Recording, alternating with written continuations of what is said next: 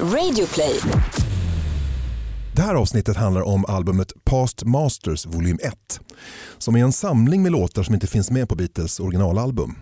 Gästerna heter Anneli Rydé, artist, sångare, har bland annat fått eh, Karamellodikt-stipendiet. Hon fick en Rockbjörn som årets svenska kvinnliga artist och Ulla Billqvist-stipendiet. Anneli har släppt ett tiotal album, massor med singlar och eh, har haft flera artistsamarbeten.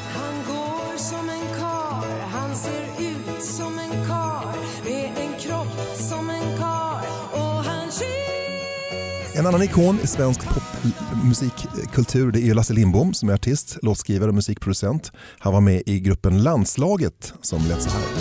Ja, men dit där solen skiner, dit där himlen jämt är blå, dit där sjöarna är klara, dit jag Han skrev också Tänd ett ljus tillsammans med Niklas Strömstedt med bandet Triad.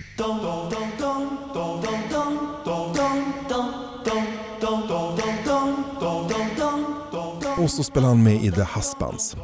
Eh, Lasse har också producerat en massa artister. Ulf Lundell, Gyllene Tider, Marie Fredriksson, Per Gessle och många fler. När Lasse pratar om Gyllene som han gör vid något tillfälle, då är det Gyllene Tider han syftar på. Och så ska jag förtydliga att vi pratar, eller jag pratar om en singel som heter I feel fine, she's a woman. Det är alltså en dubbel A-sidesingel, alltså båda sidorna var A-sida. Och den kom i november 1964.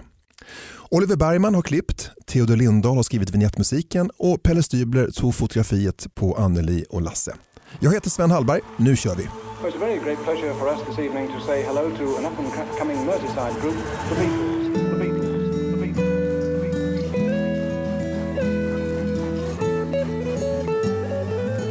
Hej och välkomna till Beatles-podden säger jag till Anneli Rydé och Lasse Lindbom. Tack.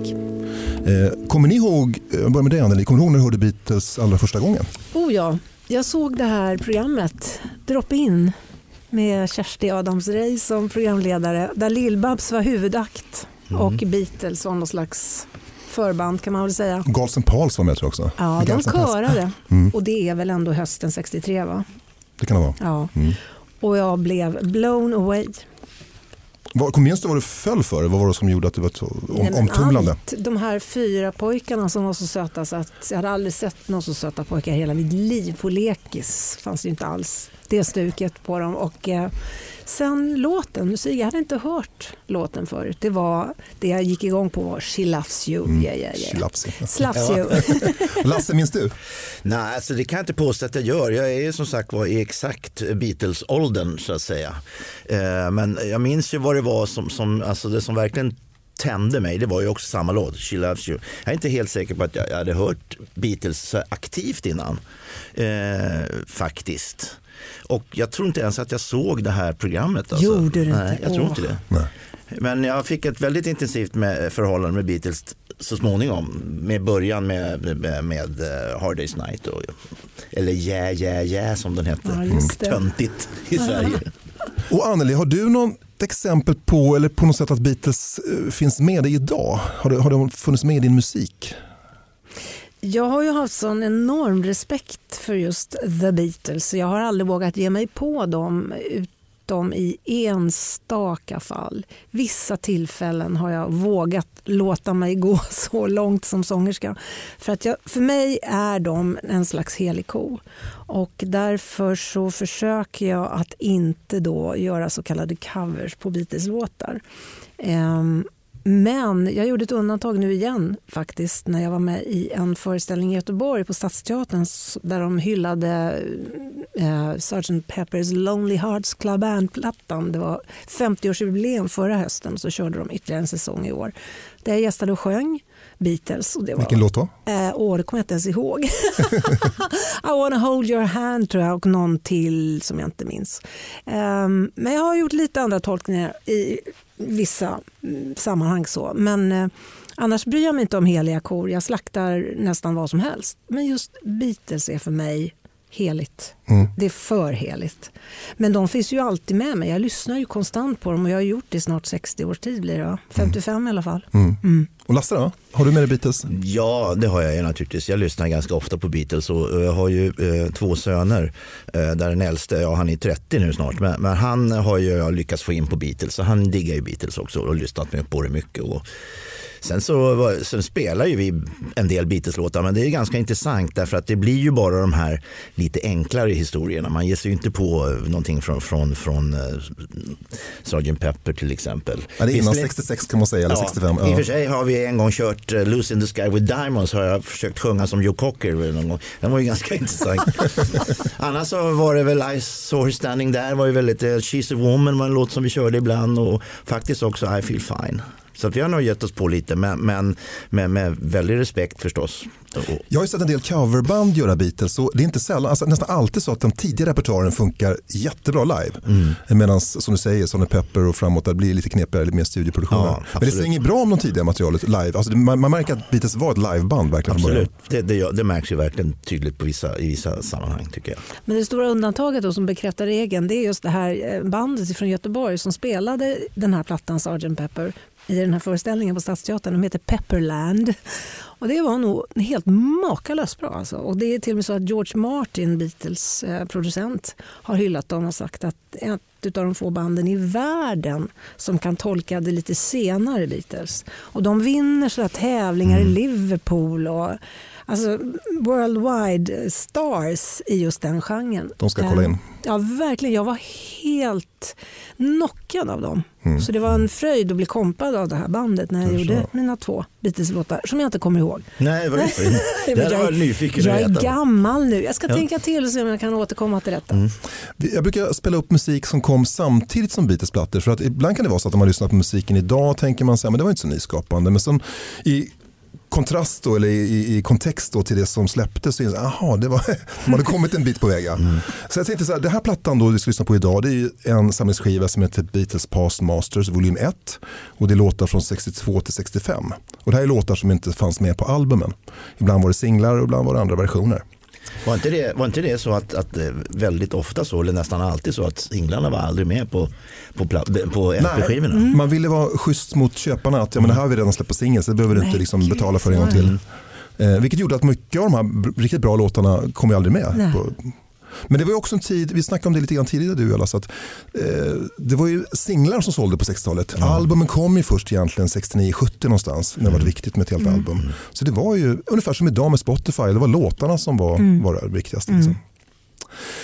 Men om vi börjar då, om jag ska försöka fånga de här åren så tänkte jag får, jag får testa er här. Om vi börjar med 1962 så kunde det låta så här. Det här var en jättepopulär låt på Kvällstoppen som var en lista i Sverige som spelade det som spelades på radio och det som sålde. På tisdagar. Skönt trumsound alltså måste jag säga. Pukor.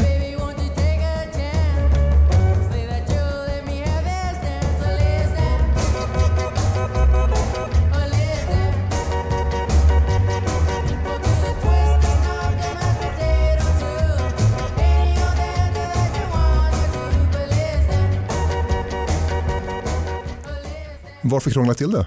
Ja, eller Det var? Chris Montes. Just det. Let's Dance. Han sjunger som han är jättefull. Le- Lede, lede. Jag tänker på Gyllene Tider. Ja, det är faktiskt. orgeln där. Ja, just det. Ja.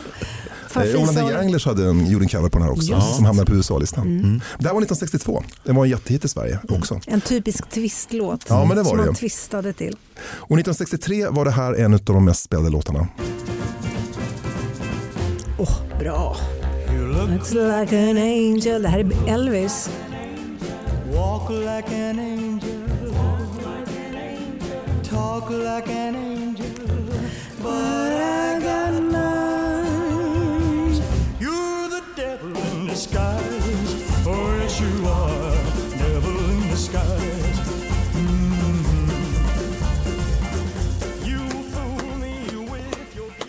Elvis Presley, You're the devil in disguise. Det är roligt, eh, Beatles hade ju många 50-talsidoler, Buddy Holly, Carl Perkins och sådär, men jag har aldrig läst någonstans att de har varit några Elvis-fans. Nej. Eller hur? Nej, Däremot träffade de ju Elvis, Ja, det var ju liksom ett ikoniskt möte. Ja.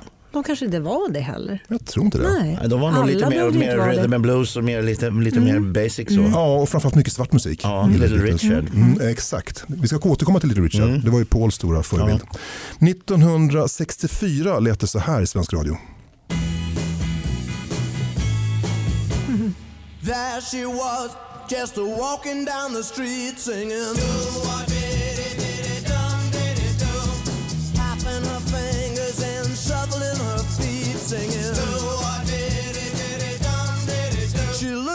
Good. She looked fine. She looked good. She looked fine. And I nearly lost my mind. Before I knew it, she was walking next to me singing. Oh, Lasse, känner du igen det? Ja, oh, jag var ju stor fan till, till Manfred Mann eh, och, och Paul Jones. Paul Jones ja. hette sångaren. Ja, de var ju två sångare. Paul Jones var den första. Första, och sen Ja. var Michael Daboe, men det var ju bra mycket senare. Vet? Mm, Så Paul Jones var den första. Han har gjort många fantastiska låtar själv också. Mm. Just det. Men, men eh, just Manfred Mann, jag älskade dem. De hade ett album som heter Man Made som jag tyckte var helt fantastiskt, som jag lyssnade väldigt, väldigt mycket på. De gjorde mycket Dylan-låtar som de poppade upp. Ja, visst i början gjorde de inte det. Alltså det var Nej, Michael kom Daboe senare. kom med. Precis. Utan han, han var en jäkel på munspel också, på, Paul eh, Jones. Men de spelar på den här Man Made, spelar de lite, lite gamla sådana här soul som du vet, som här Tamla-gruppen hade gjort. Och lite så. Sen var ju Manfred Mann själv, han var ju jazzkille egentligen. Och så hade de en kille som spelade tvärflöjt som heter Mike Oldfield. Nej, nej, nej, Nej, nej. som man sa då, Mike Hugg. Mike Hugg, antar jag att han hette. Sen blev ju Manfred Mann någonting annat. Manfred Manns Earth Band. Ja. Mycket mer Ja, det var, det var, det var, inte, min, rock. det var inte min... Det var väl mer symfoniskt. Ja, lite exakt. Ja. Och idag så, Manfred Mann, han vill liksom inte kännas vid 60-talsmaterialet utan han spelar bara senare. Tråkig kille. Här är scen. Man kan väl stå för båda. Ja. Det ena behöver aldrig utesluta det andra. Nej. En hit som kom 1965 och som blev ikonisk, det var ju den här. Oh.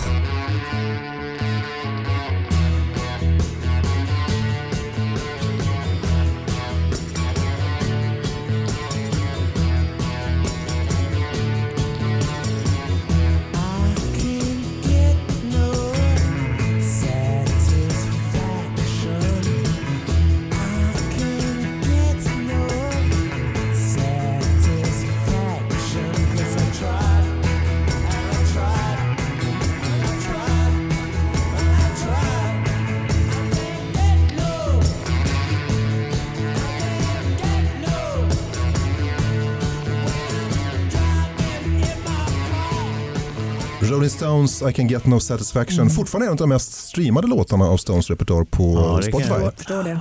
Den har jag faktiskt gjort i storbandsarrangemang som var helt lysande. Stora Stygga hette bandet Mm, och just det. eh, vi gjorde just den här. Eh, makalöst bra, inte att jag var det men bandet. Mm, Det mm. var fantastiskt. Jag läste någonstans det att det här gitarriffet, var, alltså deras idé var att det skulle vara ett soulriff med, med, med, med lås. Men man hade jag liksom tänka inte mig, men blås. det har jag hört talas om. Men det kan jag tänka mig. För det har gjort soulversioner på den här också. Den låter Ja, väldigt... Otis eh, Redding har ju gjort exakt, en en fantastisk version. Ja. Ja, jag gillade Stones, alltså jag, är, jag gillade Stones när de var verkligen ett, ett rhythm and blues coverband. De tre, fyra första plattorna, de, de lyssnar jag ofta på ibland fortfarande. Sen när de började skriva egna låtar där så tappade jag dem lite grann faktiskt. Tyckte inte de levde upp riktigt till den standarden. Beatles har man ju aldrig tappat. De Nej, kom, nej. de gick inte utan de stannade. Ja. Forever. Men upplevde ni den här motsättningen mellan Beatles och Stones? Att man fick välja sida? Liksom? Ja, så var det. I alla fall där jag bodde, på min gata. Ja. Nej men det, så var det eh, i, i, på skolan. Det var, det var verkligen Beatles eller Stones. Mm. Jag vet inte, vi, hade nog, vi fick nog lyssna på uh, båda. Det var aldrig något, något krig så där direkt emellan. Det var, men det var mest så att en del lyssnade på Beatles helt enkelt och, och de lyssnade inte så mycket på Stones. Men just att Stones körde den här rhythm and blues musiken var ju, man kände ju det liksom i Beatles rötter lite grann att de, har, att de var där någonstans ändå. De skrev ju till och med en låt till, till Stones. Vilken då? Det, vad heter det? I wanna be your man. Jaha. Heter den va? Just det, stämmer. I wanna be your man. Ja. Mm. Och jag tror de kommer den till Stones studio lite halvfärdig sådär, Ja. John och, och, och Paul. Och skriver klart den i studion. Ja, så här grabbar, så får de pappret liksom. Okej. Ganska skönt. Ja. ja, faktiskt.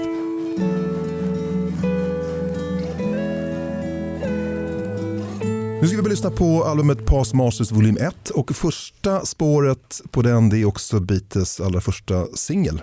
Det lät så här.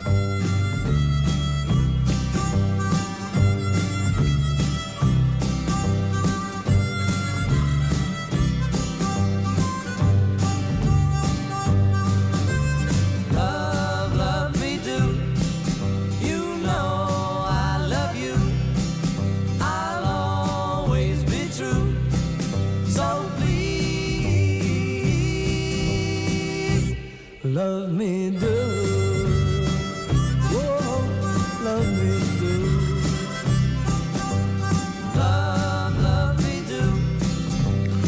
Och skälet till att den ligger med på den här plattan det är att det är Ringo som spelar trummor. För det gjorde ja. du inte på singeln nämligen. Nej, eh, är det det verkligen? Är det, för att det, det var, jag läste om det där lite grann, att det var ju Ringo vägrade ju, oh, han skulle sluta i gruppen om han inte fick spela trummor. Ja, Och så spelade han trummor, men sen bytte de ut det i alla fall till singeln. så var det precis. Så att, Nej, men vad taskigt. Ja, för förmodligen visste han inte om det. nej, det var nog sånt första exen som såldes, då var det Ringo, men så Ja. ganska snabbt då bytte man eh, Ja. version. Jaha. Nej, men tydligen var så, jag läste Jeff Emmericks bok. Jeff Emerick var ju tekniker eh, åt George Martin. Först var han teknisk assistent. Och han berättade att han, han, det är hans egna ord, då, att han hör George Martin prata med Beatles när de håller på att repa den här låten. Och han säger att, eh, ja, först tycker han liksom att den saknar någonting extra. Du som har varit eh, musikproducent vet ju att man kan ju höra en bra låt, så man, ja, men det skulle behöva någonting extra för att det ska bli en hit. Liksom. Ja. Och så frågar John, "Eh, kan inte du lira munspel? Och det kunde ju John. Ja. Och det är det som gör att Paul sen sjunger refrängen. För att John är upptagen med munspelet. Alltså John är ju vid den här tiden, han är ju ledaren i bandet. Han är den första handen som sjunger låtarna. Så att eh, det var den ena grejen. Sen är han, George Martin stör sig på trummorna. Han tycker inte att de liksom sitter riktigt som de ska göra. Och inte- inte- Paul heller. Vem var det som spelade de trummorna? Ja, det var det Ringo från början. Jo, och, men sen. Var, Var det det inte, var, det inte, var det inte Pete Best först? Men han fick kicken där sen. Ja, han var ju deras första trummis. Ja, men, ja, exakt. Eh, Och han hade nog repat den här låten Ja. med Beatles. Så att Ringo var helt orepad, det får man ge till Ringos försvar också. Han går in i studion med en låt som han inte har repat. Eh, Så Andy White var det som trummade, han var så studiomusiker. Ja, precis, studiotrummis. Exakt. Ja. Och sen kom Ringo tillbaka. Sen kom Ringo tillbaka. Och då Så blev George Martin nöjd eller? Ja, han fick, ja, men det visar ju sig att Ringo var en jättebra trummis. Ja. Alltså, han, han, kom, han var ju aldrig sparkad utan det var ju lite bara för att han just på den här själva Just, ja, inspelningen. precis. Ja. Okej. Nu slår det mig att när de sjunger tillsammans, det är ett väldigt speciellt sound. Alltså, typ ABBA-soundet, tjejerna, när de, Mm. deras röster, hur det låter, väldigt signifikativt just. Ja men det är verkligen John Lennon och Paul McCartney som sjunger här. Jag har inte tänkt på det förut, att även rösterna, när de ligger tillsammans, så är det väldigt Mm. speciellt. Det blir en tredje röst. Det blir ju det, Mm. ja. Det, det är ju så att på många plattor så sjunger de ju faktiskt unisont. Ja, jag vet. Mm. Och det blir ju Precis. ett väldigt speciellt sound. Speciellt sound.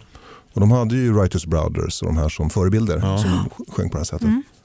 Men det är också rätt fantastiskt att även det stämmer. Alltså de är duktiga på att skriva låtar tillsammans och de triggar varandra, inspirerar varandra och dessutom så passar rösterna ihop fast de är väldigt bra. olika. Ja, väldigt bra. För John är lite mer nasal, lite vassare, lite fränare rocksångare. Och Paul, eh, i alla fall här under den här tiden, lite rundare, mjukare, varmare. Han så. kan vara det, men han kan ju Ja, jag klämma i vet. också. Nej, men nu, framförallt nu, these days, så är han mycket rock. Men, men eh, jag- tänkte för att just det där att jag tror att det här när de var i Hamburg så jäkla länge, att de sjunger ihop så jäkla ofta och så mycket. Det påverkar tror jag också hur man anpassar sig till varandra, till s- s- den man sjunger med. Så att de kommer det här, till slut får de det här soundet på något sätt. De gifter sig Ja. röstmässigt. De har stått hundratals timmar och lirat och tittat varandra i ögonen och naturligtvis, som du säger hittat, Ja. hittat varandra. Liksom. Det tror jag är en stor del av soundet. Nästa låt på skivan det är Beatles tredje singel. Det var, först var det Love Me Do och sen kom Please Please Me och sen kommer det en låt som heter From Me To You som John Lennon sjunger på och har skrivit. You.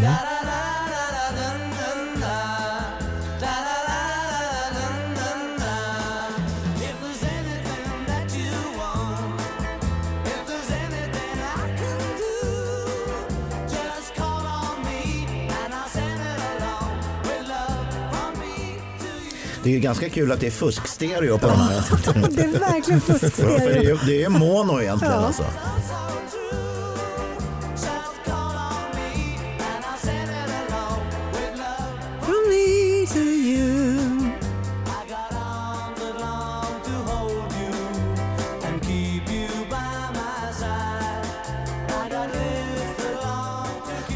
De unisont. Ja, verkligen. Ja. Där hör man om hur de gifter sig.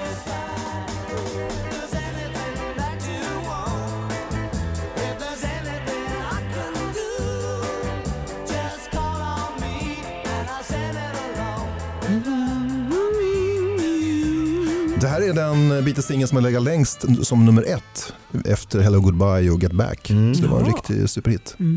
Jag ljög förut, det är inte John som har skrivit, de har skrivit tillsammans. Ja, de- det var alltså- ett riktigt samarbete. Alla låtar är ju skrivna tillsammans på pappret. Ja. Ja, sen vet Eh, man ju Sen aldrig vet man aldrig riktigt hur det går till. Ja, men under den här tiden så hade de fortfarande den typen av eh, arbetssätt. Att Ja. de skrev, ja, du skrev hooken, så skrev den andra bryggan och så Ja, vidare. just så man det. turades om liksom, och kom med idéer. Så det är ett riktigt samarbete. Ja, kan man säga? Det är typiskt Beatles-sound på något sätt. Ja. Ja, typiskt tidigt Beatles. Mm. Om man egentligen tänker efter och jämför just den här låten med det som skulle komma sen, typ Sgt. Pepper, vilken skillnad. Mm. Det är ett annat band. Mm. Utveckling, det är fantastiskt tycker jag. Jag undrar hur mycket George Martin är inblandad i det där egentligen. Alltså. För det är mycket grejer som jag tror att kommer från honom. Men sen är det fantastiskt tycker jag med Beatles för att alla plattor låter helt olika. Men så normalt sett så vet man när man, Elton John har gjort en platta så kommer nästa så låter, den- låter den likadant fast andra låtar. Men här är det bara pff, helt Ja, det är nytt. stort. Det är fantastiskt. Mm, det är stort. Du ska höra baksidan på From Me To You som eh, John sjunger på. Tänkt som tredje singel men det blev en B-sida. Eh, John Lennon har skrivit versen och McCartney skrev refrängen.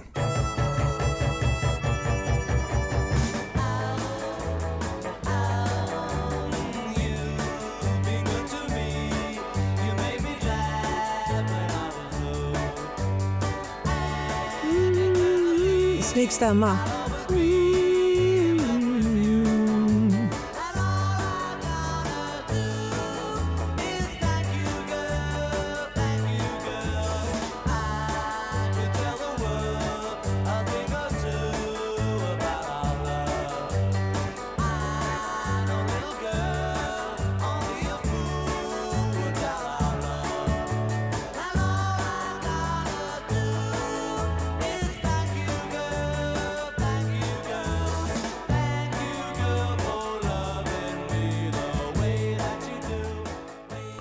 Här kämpade ju Paul och John som låtskrivare som visste det. Om de inte kom med starkt material, då hade aldrig George Martin alltid något förslag på någon cover de kunde spela in.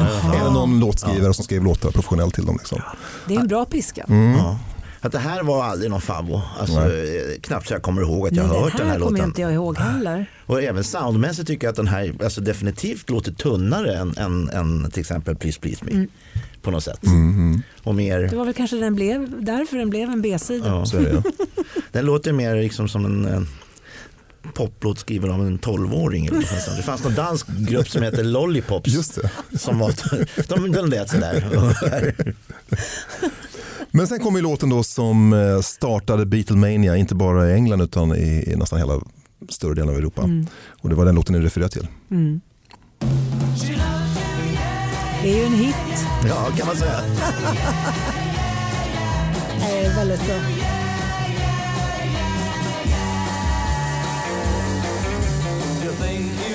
still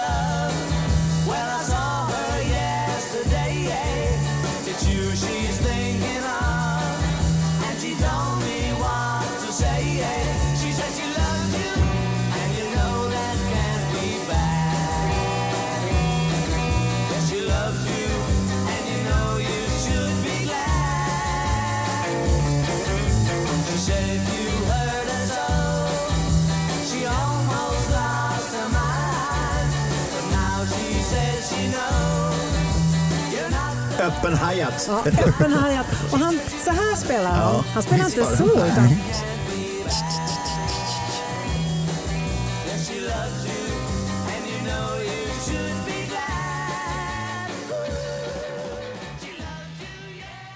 När det där, när det där wooet kom, wooet, woo, det var då alla skrek. alla Ja, skrek. precis. Man ser det på drop-in-inslaget, det, liksom, Ja. då- det tänder publiken. Ja, vilken låt. Ja, den där är fantastisk. Där måste de ju ha känt, vi har nog fått en hit här, Gaylan. När de sitter och skriver, det här, måste, det här blir en hit. Det, det, jag läste en rolig grej faktiskt. eh, att att eh, George Martin, det var han som propsade på att de skulle börja med refrängen. Jaha. Så var det inte från början. Nej. Och det är ju all- det är alltid effektivt. Det gjorde vi på Ja. Tänd ett ljus också. Ja. Vi börjar börja med Ja. refrängen så vet de vad det är för jävla Ja. låt de Det är det Max. Max Martin gör jämt också. Ja. Och George Martin var han som hittade stämmorna. På, ska vi höra på slutet också, när, när det mynnar ut i... Det är ett kluster av stämmor. Snyggt. Ja, Snyggt. det är snyggt. Och de hade inte så många kanaler, jag tror det var två kanaler. ja, det är nog fortfarande två kanaler här. Det skulle jag tro. Oj, När vi gjorde landslaget första, det var ju 70. 1962. Ja, nej, det var 70, då var det fyra. Ja. Då var det fyra. Sen blev det åtta efter ett tag. Fyra 1970. Är det så? Har det gått så fort ändå? För det har det ju verkligen. Sen när det, väl- när det väl kom över 16 så, så nu finns det ju liksom, ja nu finns ju inte, det spelar ju inte knappt in på det viset Nej, längre. det gör det inte. Ska vi lyssna på B-sidan på She Loves You? Den hette, jag vet inte om ni minns den, I'll get you, get you in the end. Alltså, det var ju så, man, hade man singeln så lyssnade man ju på B-sidan också. Ja, men den här låten den gillade jag som tusan. Så jag måste ha haft singeln helt enkelt. Mm, jag hade singeln absolut. Ja, ja. Oh yeah. Jo då. Det här är bra. Imagine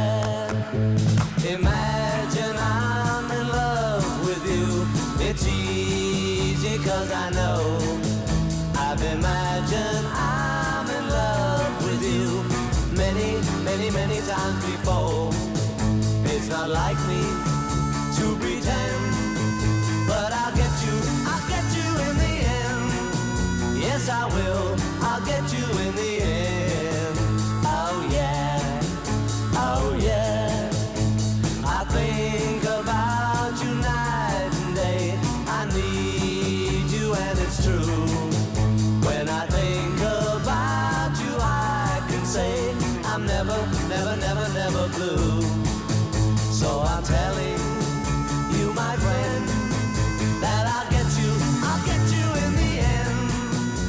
Yes, I will, I'll get you in the end.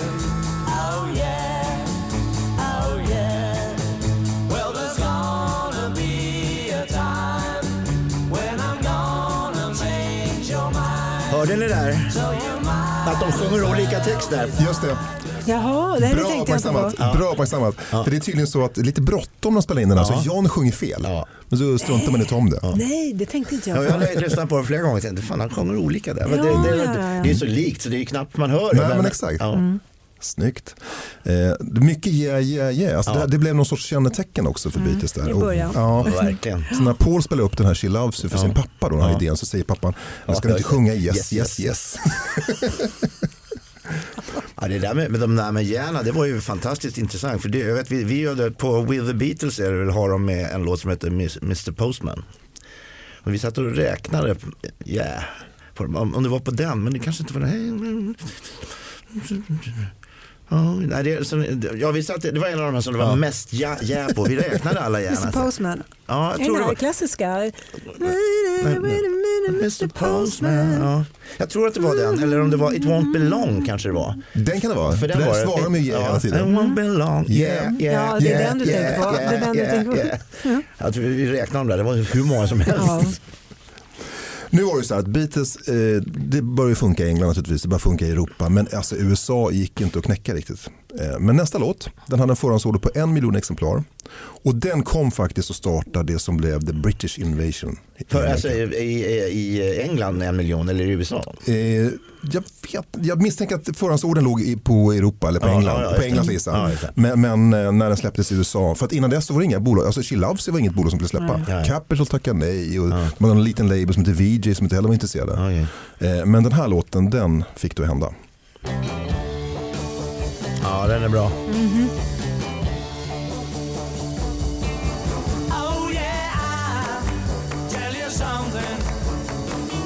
Think you'll Otajt Ja, handklapp, det är bra. verkligen.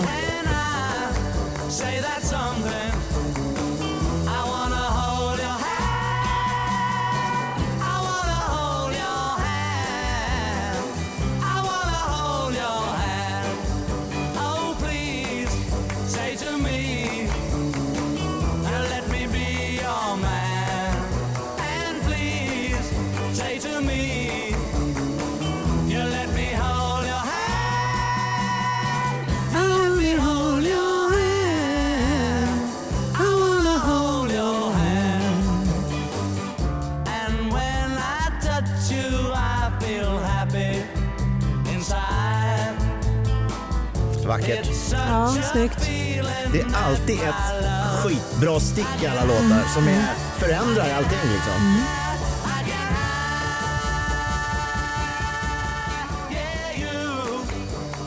Something. Svårt. Men det är nog fördel med samarbetet att man turas åt. Ja. Turas om, så någon Ja. ena parten kommer med ett bra stick. Liksom. Det, var, det, var, det bygger nästan deras låtar på. Det vet jag inte om de var nog ganska mycket först med det. Det har inte jag funderat på om, om annan popmusik hade den där typen av. Jag måste berätta för att jag tittade på, på Youtube och så tittade jag på en Paul McCartney-konsert någonstans i USA. Och då kör han den här låten och så filmar de publiken och det är folk alltså från 30 upp till min ålder då, 70. Och folk då fan med och gråter alltså. Det är så jävla häftigt. Ja, det är häftigt. Och det är häftigt att han fortfarande orkar Ja, bära sin egen skatt vidare, Ja. vilket han gör. Det här är Beatles första etta på Billboards 800-lista av, av när, 19. när I november 63 Så och december det. 63 i USA. Ja, så någon månad senare. då slår det till i december. Precis. Shit vad fort det går Och det är väl för då de kommer till eh, Amerika och kliver av planet och blir så överraskade över att Ja. det står tusentals Ja, fans liksom och väntar på dem. Men det är 64, det vet jag. Precis. De turnerade där. Och, Nej, men om den här singeln kan man säga då att den är skriven, tror man, i Paul McCartneys flickväns i Jane Ashers källare tillsammans Mhm. med John och Paul. Då, tillsammans. Eh, sen när de spelade in den här låten, John hade dålig syn, men han var lite för fåfäng för glasögon. Mm. Så de tejpade fast texten på mikrofonstället, men det hjälpte liksom att han, han såg nästan inte ändå. Så det är därför han ibland låter lite otydlig. Mm. Och det är någonting tydligen som man hör nu när man lyssnar på CD eller ändå digitala versioner, att man hör att han är lite, fraseringen är lite otydlig ibland. Det har varit. Däremot läste jag, läste jag om det här att de var inte riktigt helt överens om var de hade skrivit den. Nej. Nå- Om det var John som sa att nej men vi, var ju, vi hittade någon jävla ödekåp och gick ner i källaren och där stod ett piano och där satt det är just den här låten Ja, menar? Okej. Så att, eh, jag vet inte. Det, men eh, det kan man ju säga när folk frågar en själv Mm. om vad man gjorde. Kommer du ihåg vi gjorde den där inspelningen med Lundell? Kommer du ihåg Nej, det? det det du inte gör. 1982, Nej. kom igen liksom. Man Ja. kommer inte ihåg någonting av det där.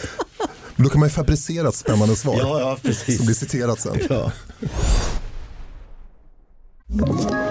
Ett poddtips från Podplay. I podden Något Kaiko garanterar östgötarna Brutti och jag, Davva, dig en stor dos skratt. Där följer jag pladask för köttätandet igen. Man är lite som en jävla vampyr. Man har fått lite blodsmak och då måste man ha mer. Udda spaningar, fängslande anekdoter och en och annan arg rant.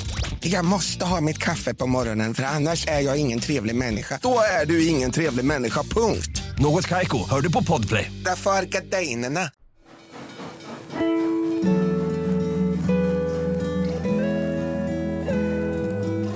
Nästa låt inspelad vid samma tillfälle som den låten vi hörde precis. Det är en låt som heter This Boy. Den här sjöng vi på alla fester, eller försökte Nej. sjunga. Vi fattar ju inte stämmorna riktigt. Vi Nej, var inte så gamla. vi? Men, ja, det är min, jag och mina kompisar på den Jaha, tiden. när ni var små? Ja. Det här är väl 63 också? va? Vad vi gulligt. 14. Åh, gulligt. 14 och okysst. Ja. Än så länge. Ja, Ja. Jättefina stämmor på den här. låten. jag hör det.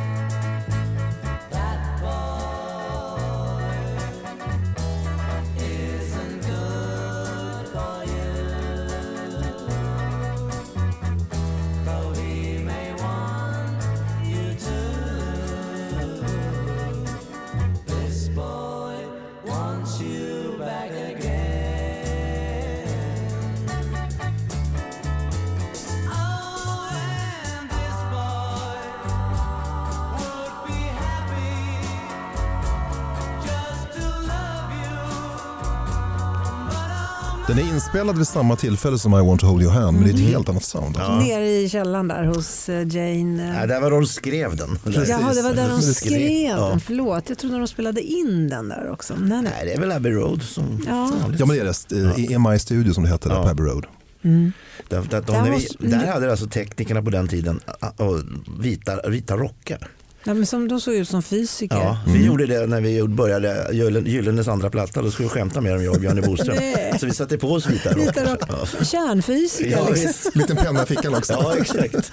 Men här, i det här körpaketet måste George Harrison ha ingått va? Kan, jag, kan, jag, kan jag gissa? Ja, det måste. Det är ju åtminstone tre som sjunger. så Jo, att- ja, och man hör, det- man hör ju inte så honom så ofta, Nej, nej. stackars George. Men, men här hör man honom faktiskt. Och här har de fått en fyrspårsinspelning. Ja. Mm.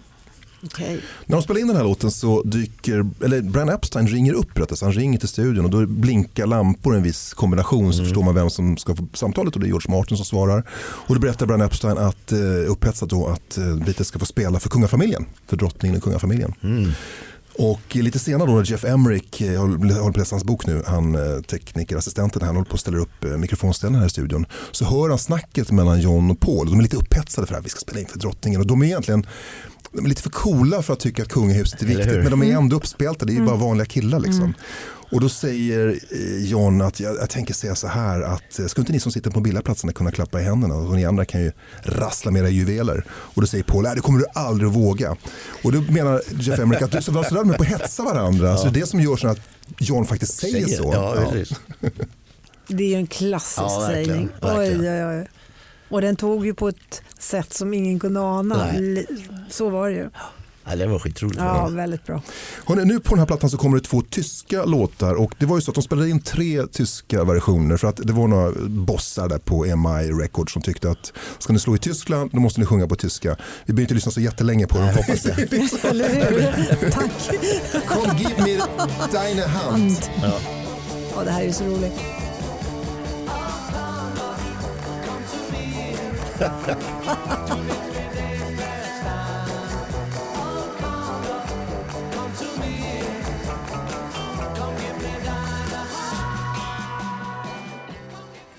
Och de här låtarna inspelades 63 i Paris av någon konstig anledning. Jaha. Så bakgrunden är ju samma som man hade sedan tidigare. Ja, det. Men däremot She Loves You, eh, Silly Petich, den har en ny bakgrund. Det är en ny inspelning.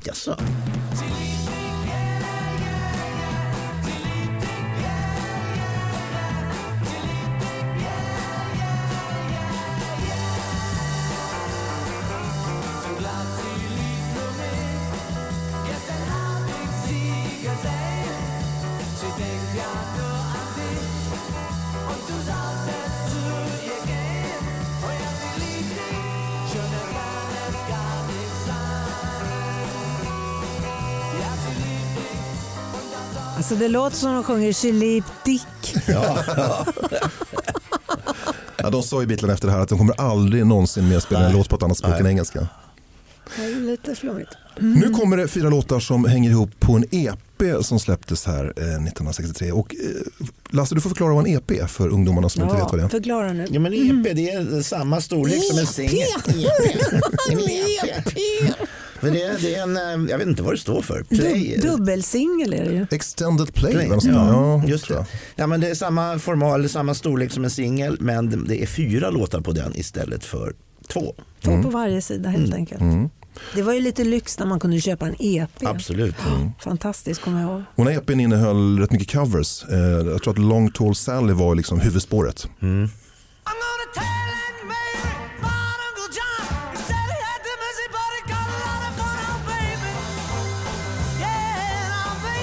här är Paul Det är på det. Oh baby.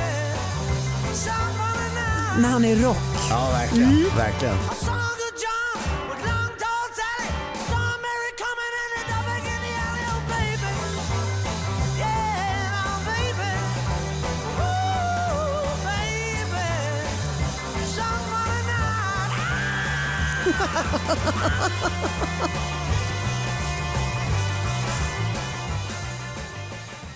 Ah, det här behärskar de.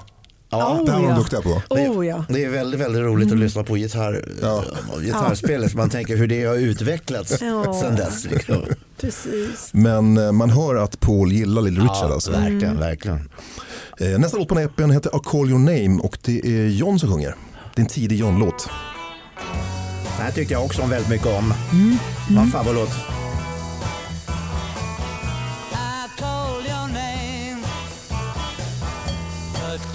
Koskälla. Paul Campbell!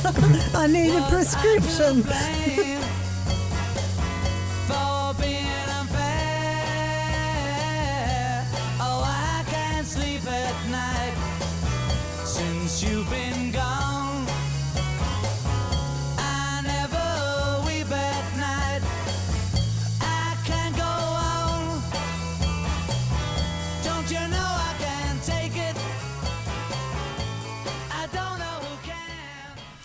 Men det var inte den första versionen av den här låten. Den spelas in av Billy J. Kramer. Alltså. Här har vi originalet menar du? Ja, fast det var jag som skrev den. Ah.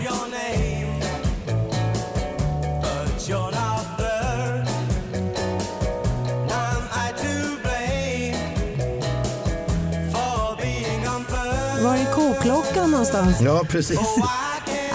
Det här duger inte. Nej. Nej. Ja, de låg på samma label, samma just det. skivetikett och så hade de samma manager. Ja, Epstein. ja. De skrev väl, skrev väl flera låtar till, till, dem va? Gjorde de Ja, men det gjorde de. Vi, eh, ta några exempel här. Bad to me till exempel. Just det. If you ever leave me, I'll be sad and blue.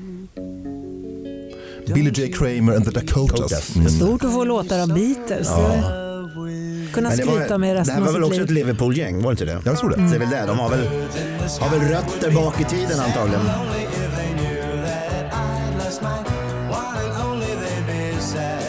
Ja, det här är en Beatles-låt för mig. Ja, det är det. Det är det ju. Och sen den här. Den har de gjort själva också ju. Just det. you'll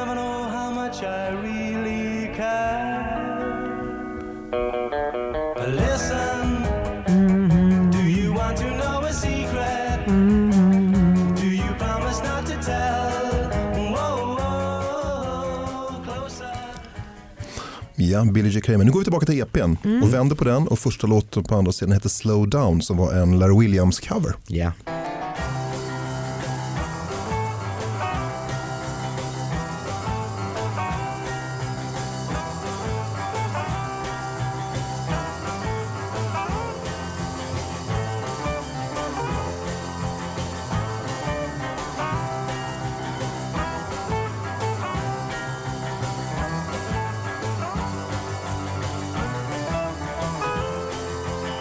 Vem spelar keyboard? ja, det undrar jag också. Det är inte så tajt. Ja. Det kan ha varit George Martin. Det kan det vara.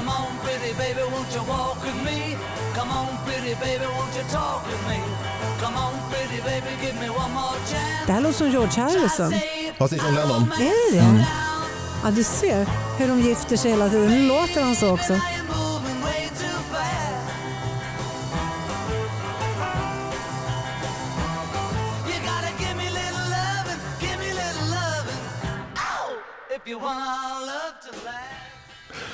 Sista låten på EPn, där lyfter man fram eh, Ringo Starr som, som får Ja, just sjunga. Ja. Just.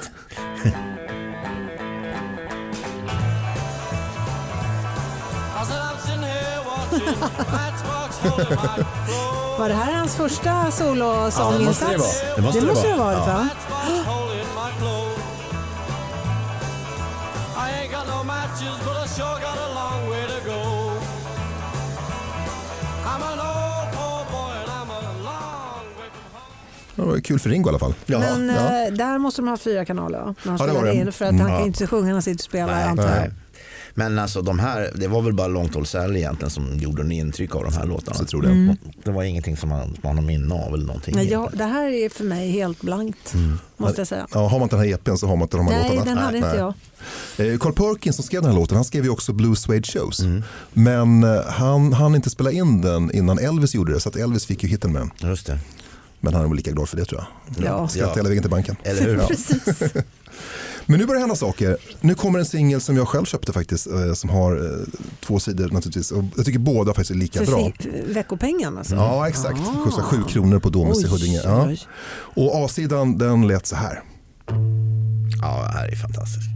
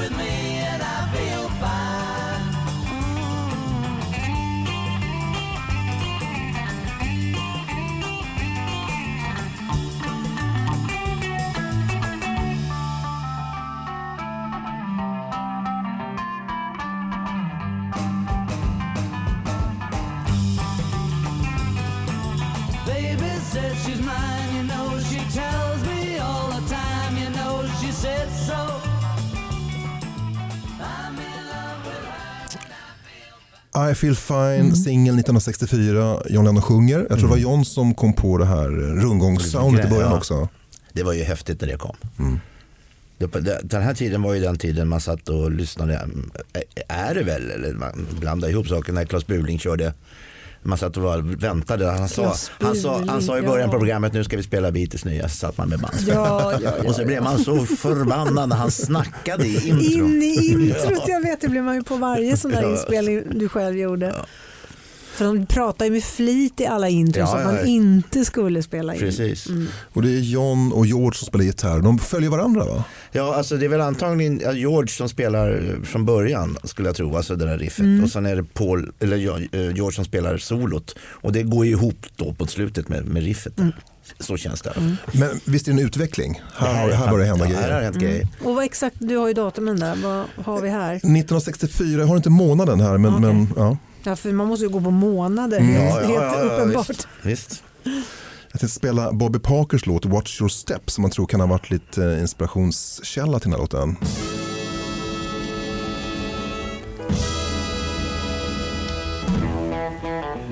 Just ja, det. då. Eller hur? Fräck bas. Mm. Det är kontra, nej. Nej, det tror Det jag kan det inte vara. Nej. Ja, i och för sig, det låter Det som det. låter ju kontra. Ja. Ja, det kan, kan ha funnits i bakhuvudet kanske när man skriver. Alltså den där låten kan jag säga, den har både eh, Manfred Mann spelat in på den här Man Made-plattan och även min, stora 60-talsfavorit som var Spencer Davis Group. Har gjort den också. En helt fantastisk version med, med Stevie Winwood. ja, men de var micken. ju en av de bästa. Ja. Det var de verkligen. Men nu ska vi prata om Beatles. Ja, och B-sidan på I feel fine som inte gav för hacka den heller. Tycker jag. Nej, här är underbar. Ja, just det.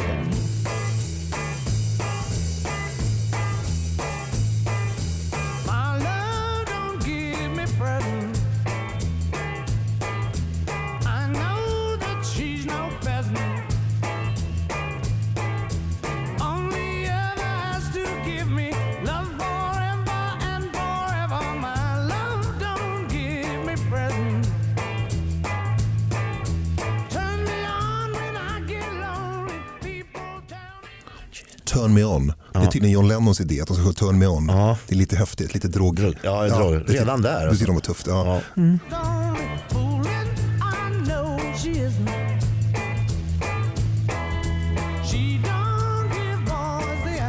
Nej, pianot är grymt ballt som kommer in här.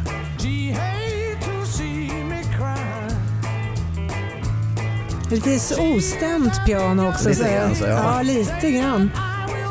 De där kärnfysikerna har liksom inte gjort sitt jobb här riktigt. Never man blir alltid nyfiken på vilka det är som spelar keyboard. Ja. Men du tror Sven att han hoppade in George själv? I, Kan vara så. ja.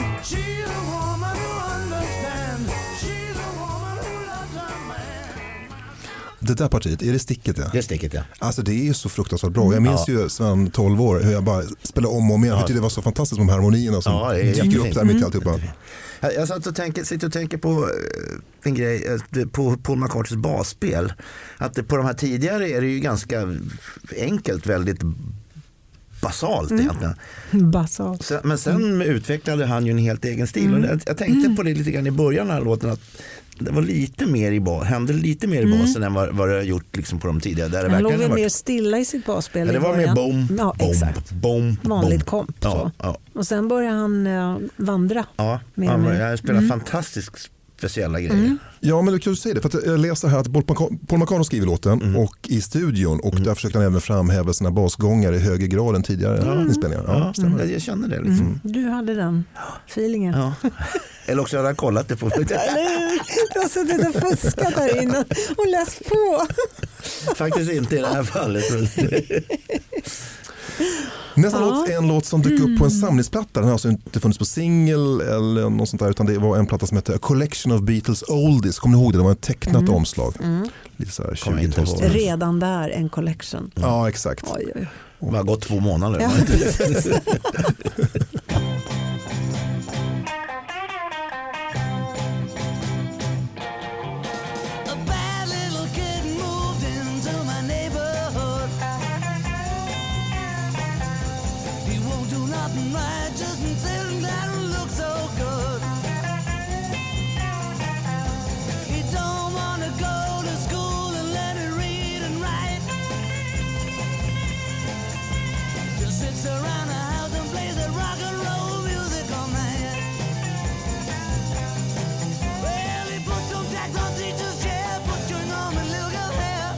Now, Junior, behave yourself. Det är också en Larry Williams-cover som John sjunger jag på. tänkte säga det, måste vara det.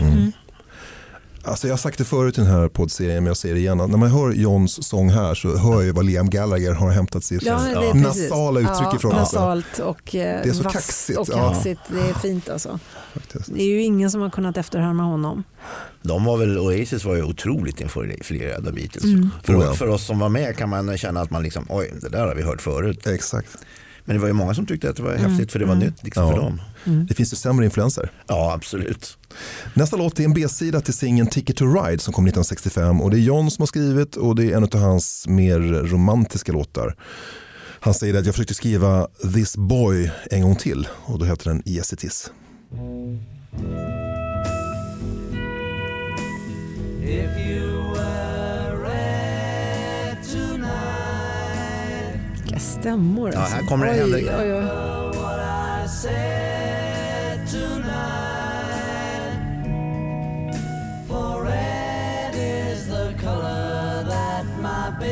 wore, and what's more is true. Yes, it is.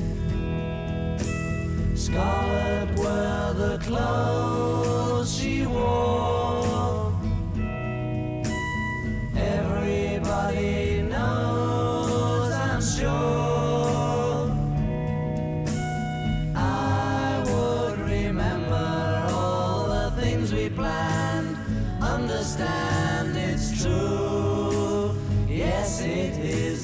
true.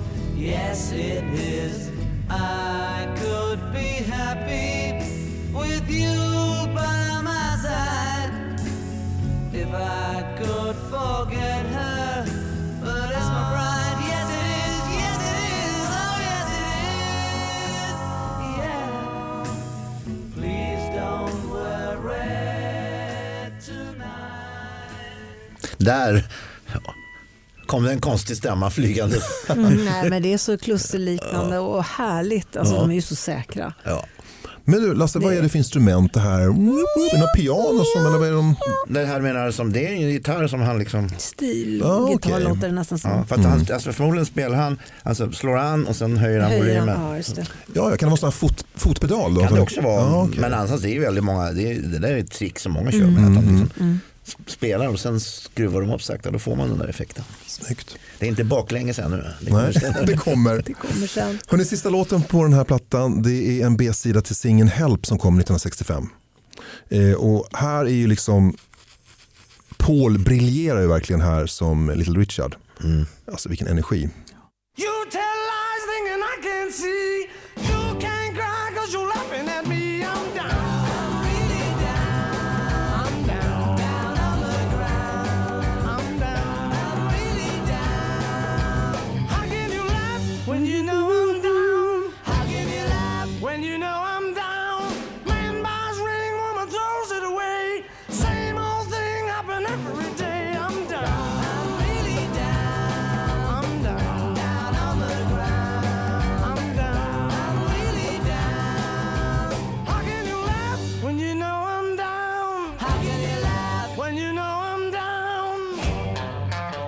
Jag tror att här får vi reda på vem som spelar piano har jag för mig. Mm, Är det John? Ja, han säger det här. Go Ja! ahead John!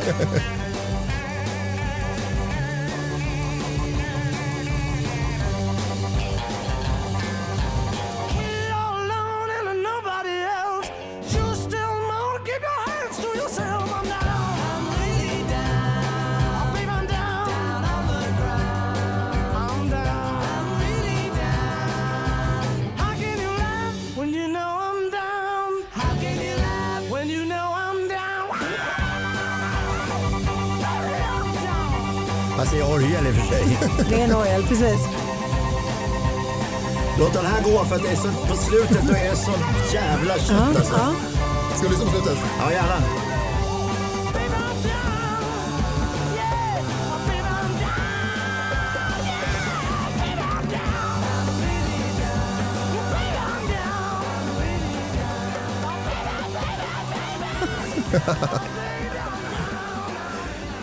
Primalskrik. Ja, verkligen på G. Ja, liksom. på bästa sätt. Ja. Tydligen var det så att Paul älskade, eller ty, publiken älskade när Paul gjorde Little Richard covers. ja. Men han ville ha en egen originallåt. Så han skrev en låt i, Little Richard Ja, det är han som har skrivit stil. den. Ja. Fantastiskt. Och så är det John som går loss på orgeln där. Ja. Ja, det där är, den är rolig. Vad var det du sa att han sa?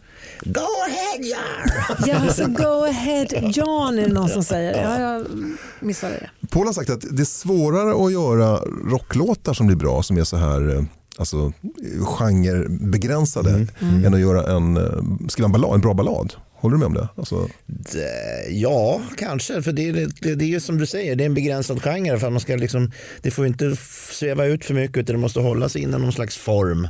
och ändå komma med något nytt. Ja, Liksom. det, det är svårt. Det är klart det är svårt. Jag tänker på eh, Back in the USSR är lite Ja, det är fantastiskt. och Birthday, också Ja, så här rock, ja. riktig rocklåt. Hörrni, det har varit jättekul att ha er här.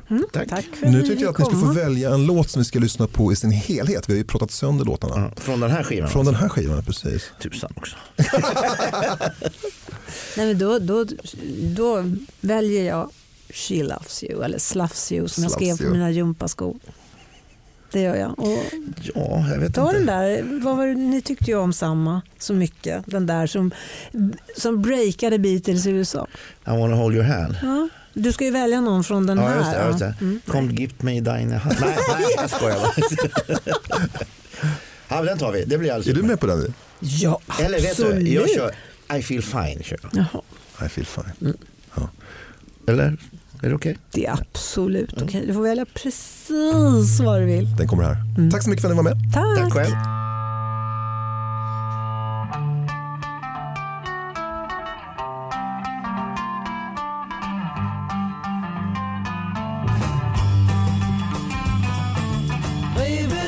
To me, you know she's happy as can be, you know she said so. I'm in love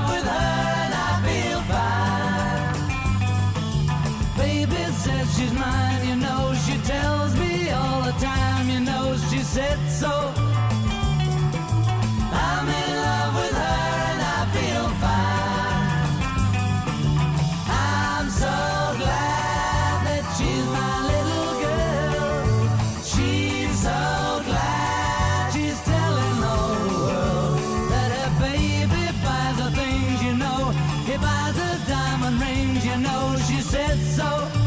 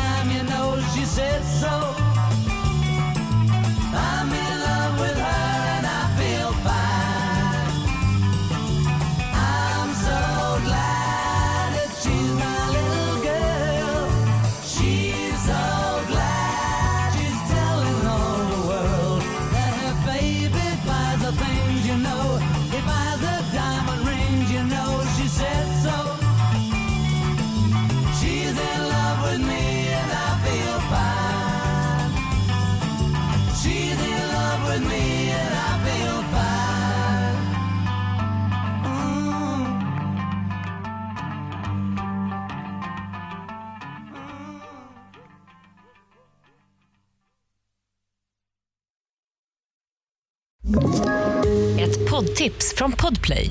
I fallen jag aldrig glömmer djupdyker Hasse Aro i arbetet bakom några av Sveriges mest uppseendeväckande brottsutredningar. Går vi in med hemlig telefonavlyssning och, och då upplever vi att vi får en total förändring av hans beteende. Vad är det som händer nu? Vem är det som läcker?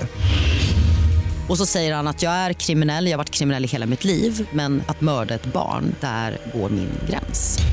Nya säsongen av Fallen jag aldrig glömmer på Podplay.